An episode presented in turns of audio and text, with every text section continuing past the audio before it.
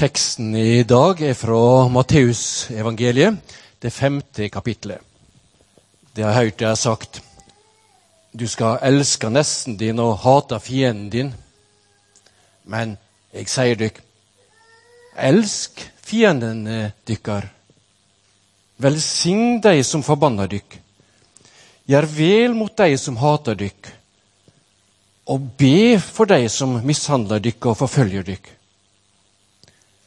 Slik kan det være barn av far dykkar himmelen. For han let si sol skine over vonde og gode, og let det regne over rettferdige og urettferdige. Om det elsker de som elsker dykk, er det noe å lene dykk for? Gjør ikke tollerne det samme? Om det hilser vennlig på dykkar egne, hva stort gjør det da? Gjør ikke heidningene det samme? Vær da fullkommen, liksom far dykkar i himmelen er fullkommen. Slik lyder Herrens ord. Det er spennende å besøke bymenigheten og oppleve en annerledes gudstjenestekultur. Det at dere har valgt en rekke tema knytta til gudstjenestene denne høsten, det tenker jeg kan være med på å skjerpe det som er kirkeårets tekster for disse dagene. Dere fant betegnelsene på de oppgavene som fins i kirka i Efeserbrevet kapittel 4 vers 11, der det står om apostelen og profeten og evangelisten og hyrden og læreren. Og det gir et godt innsteg til denne søndagen, som handler om kjærlighet. At vi skal snakke om å være en gjestfri evangelist. Gjestfrihet har i hvert fall jeg opplevd her. Og det skal jeg si mye mer om etterpå i foredraget. Vanligvis på denne tida av året så har jeg vært engasjert i å ha en eh, kirke, eller en Jesus-stand på alternativmesse i Folkets hus i Stavanger. Der myldrer det av særlig damer og all slags rare ting, sett fra mitt ståsted. Det vi har erfart på alternativmesser der vi har hatt et stort eh, Altså vi leier en stand, og så er det en bilde av Torvaldsens Kristusstatue, som òg står i St. Petri kirke, med åpne armer. Og vi har delt ut bibelvers og bønneark gratis. Av og til har vi hatt et eple eller en karamell i tillegg. Og det er en stol der folk kan komme og sitte hvis de ønsker å bli bedt for. Og det vi har opplevd igjen og igjen, er at de som går på alternativmesse blir så Jeg har nesten sagt slått ut av at på den standen koster det ingenting. Hos naboen kan du få målt auraen din, men det koster 250 kroner. Eller du kan bli spådd i tarotkort, og det koster 300 kroner. Eller du kan kjøpe krystaller, eller du kan Og så er det en usalig, vil jeg si, blanding av ekte lengsel og kommers tro og overtro. Det var alternativmessen, og grunnen til at jeg nevner den, er at Efeserbrevet er skrevet til en menighet som levde i et miljø som ligner på alternativmessen. Vi kan lese om eh, Paulus sitt besøk i Efesos i apostelgjerningene 19. Og det gikk ikke så fredelig for seg. Det begynte fredelig. Men etter hvert som nåden og evangeliet begynte å slå rot i folk, så ble det opprør. For der fantes det store Artemis-tempelet, og der var det mange som tjente på at folk søkte til Artemis og kjøpte små figurer av sølv eller kobber. Så smedene, lauget i Efesos gjorde opprør. Det er spennende å lese kapittel 19 i apostlenes gjerninger. Midt i dette mylderet av ekte lengsel og overtro er vi plassert i denne verden som Gud elsker. Og da vil vi gjerne høre Paulus si bønn for menigheten i Filippi, som er den egentlige prekenteksten denne søndagen. Noen få søndager i året velger vi jo noe annet enn evangeliet. Og dette ber jeg om at kjærleiken dykkar må bli rikere og rikere på dømmekraft og innsikt, så det kan skjøne og avgjøre hva som er viktig, og stå reine og ulastelige på Kristi dag, fylt av rettferdsfrukt som vokser fram ved Jesus Kristus, til lov og ære for Gud. Amen. Det er ei bønn for oss òg, dette å bli stadig mer modne i kjærlighet, sånn at vi kan forstå hva som er viktig. I hvert fall for meg som taler og underviser en del, så vet jeg at jeg veldig ofte tar utgangspunkt i at vi mennesker er skapt i Guds bilde. Det kan gi noen vrangforestillinger om at Gud ligner på f.eks. en gammel mann med skjegg. Fins det noen sånne her? Vi tror at Gud ligner på et menneske, men det er jo omvendt. Det er oss som ligner på Gud.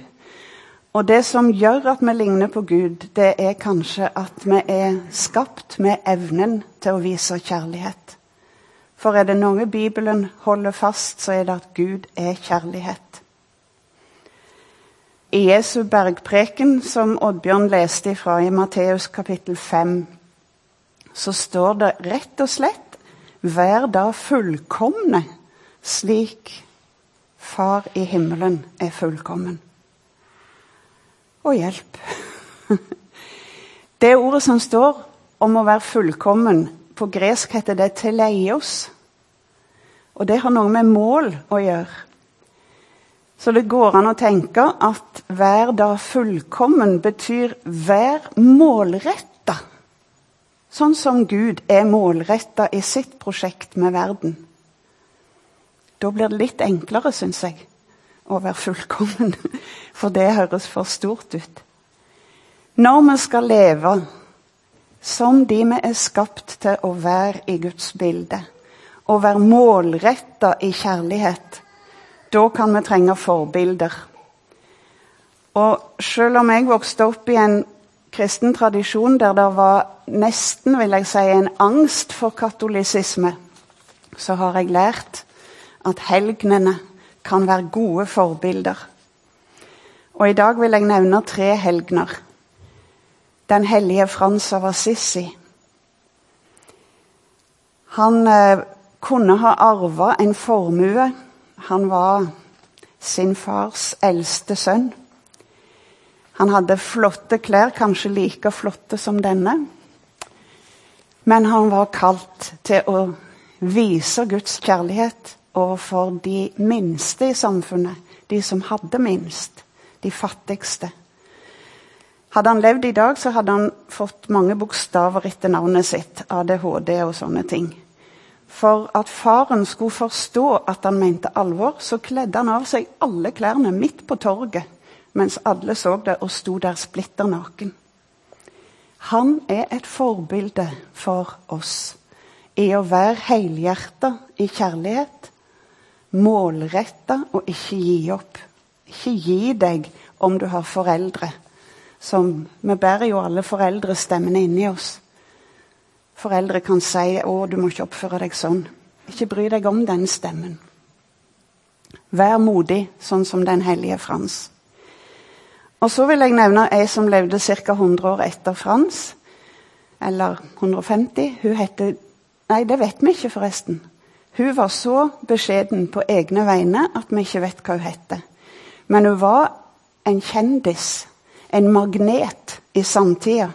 Hun lot seg mure inne i en enkel celle i kirka i Norwich. Og helgenen for den kirka heter på spansk Julian. Julian på engelsk. Så vi kjenner denne dama som Julian of Norwich, men det er ikke hennes navn. Da kom fyrster fra hele Europa til Norwich for å søke råd og veiledning og forbønn hos denne dama som var så påståelig at hun lot seg mure inne i en enkel celle. Og ikke vet jeg om det var én eller to åpninger, men både potte og mat måtte inn og ut. Hun gikk ikke ut. Hun ble fryktelig syk, og mens hun lå syk, så hadde hun visjoner, showings, som hun senere skrev ned, og som er tilgjengelig for oss som noe av det første som ble skrevet på engelsk språk. Jeg skal senere sitere litt av det hun sa og skrev ned. Jeg beundrer mennesker som er så galne at de legger alt annet i verden til sides for å være i bønn hos Gud. Vi kan ikke leve sånn, alle, men vi kan ha forbilder. Den tredje er nok ikke helgenkåra ennå, men han heter broder Roger. Og bygde opp i Sveits, i en landsby som heter Tessé. En kommunitet med folk som tenkte nokså likt som ham. Og etter at muren ble reist mellom Øst- og Vest-Europa, så tok han imot flyktninger fra Øst-Europa. Han ga dem tillit. Han ga dem undervisning om Guds ord. Og etter hvert så har TC-kommuniteten blitt et sted ikke for nødvendigvis flyktninger fra østblokkland, men fra unge mennesker som er på flukt fra det overfladiske i vår vestlige kultur. Jeg har vært gjest i TC og kjent der fins det en dybde som jeg forstår at tusenvis av mennesker oppsøker hvert år. Vi hørte lest fra Filipperbrevet. Hva vet vi om Filippi? Vi vet at Paulus var der. Paulus kom, og så skjønte han at hvis han skulle treffe noen som kunne ta imot evangeliet, så måtte han gå til de damene som var utenfor byen attmed elva og hadde bønnestund der. I den flokken fant han ei dame som heter Lydia. I mitt hode ser jeg for meg de menneskene som levde i Jesus samtid, som veldig fattige. At alt var så grått og fattig slikt. Men Lydia hun hørte til overklassen. Og jeg har sett det som arkeologer graver fram av villaer fra Jesu samtid. Det var ikke smått. Det var mye større enn de husene vi bor i. Og det var utrolig påkosta med kunst og mosaikker. Lydia hun er et forbilde for Paulus. Fordi hun åpner hjemmet sitt. Hun er en gjestfri evangelist. Der kunne folk samles i den første kristne menigheten i Filippi.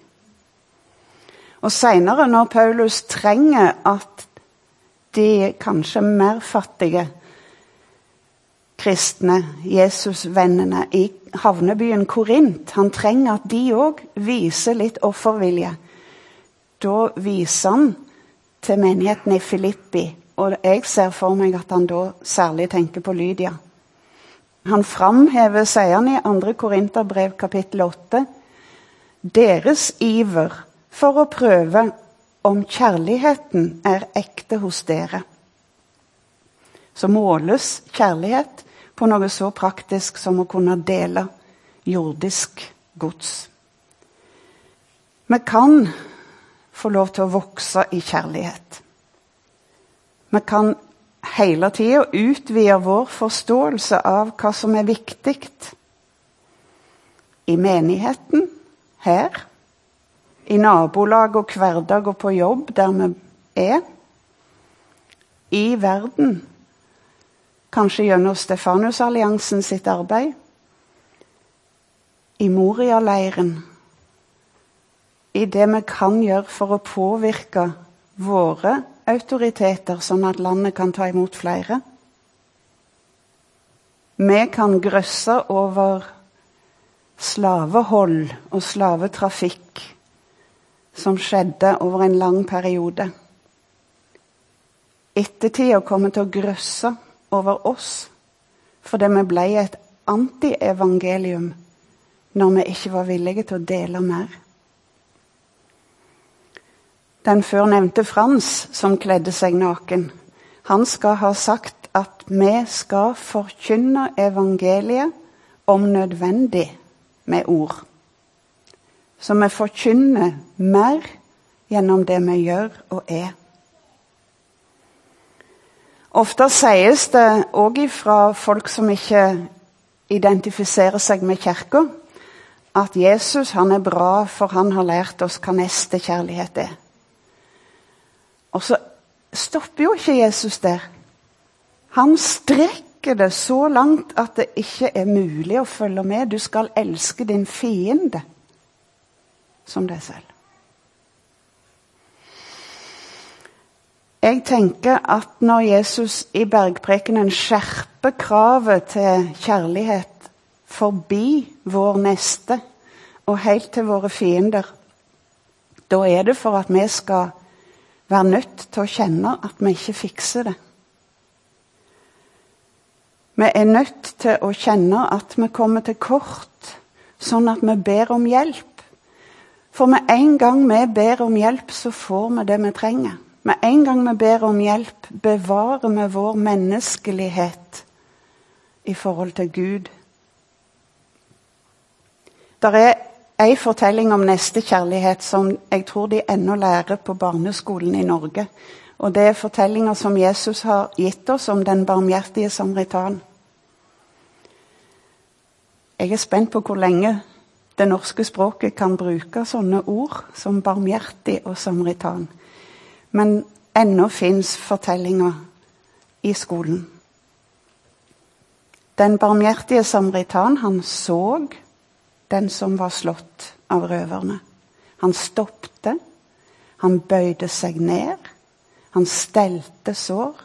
Han løfta han opp på eselet sitt, og han betalte i vertshuset. I Ålkirka visste de at vi mennesker kommer til kort overfor kjærlighetsbudene.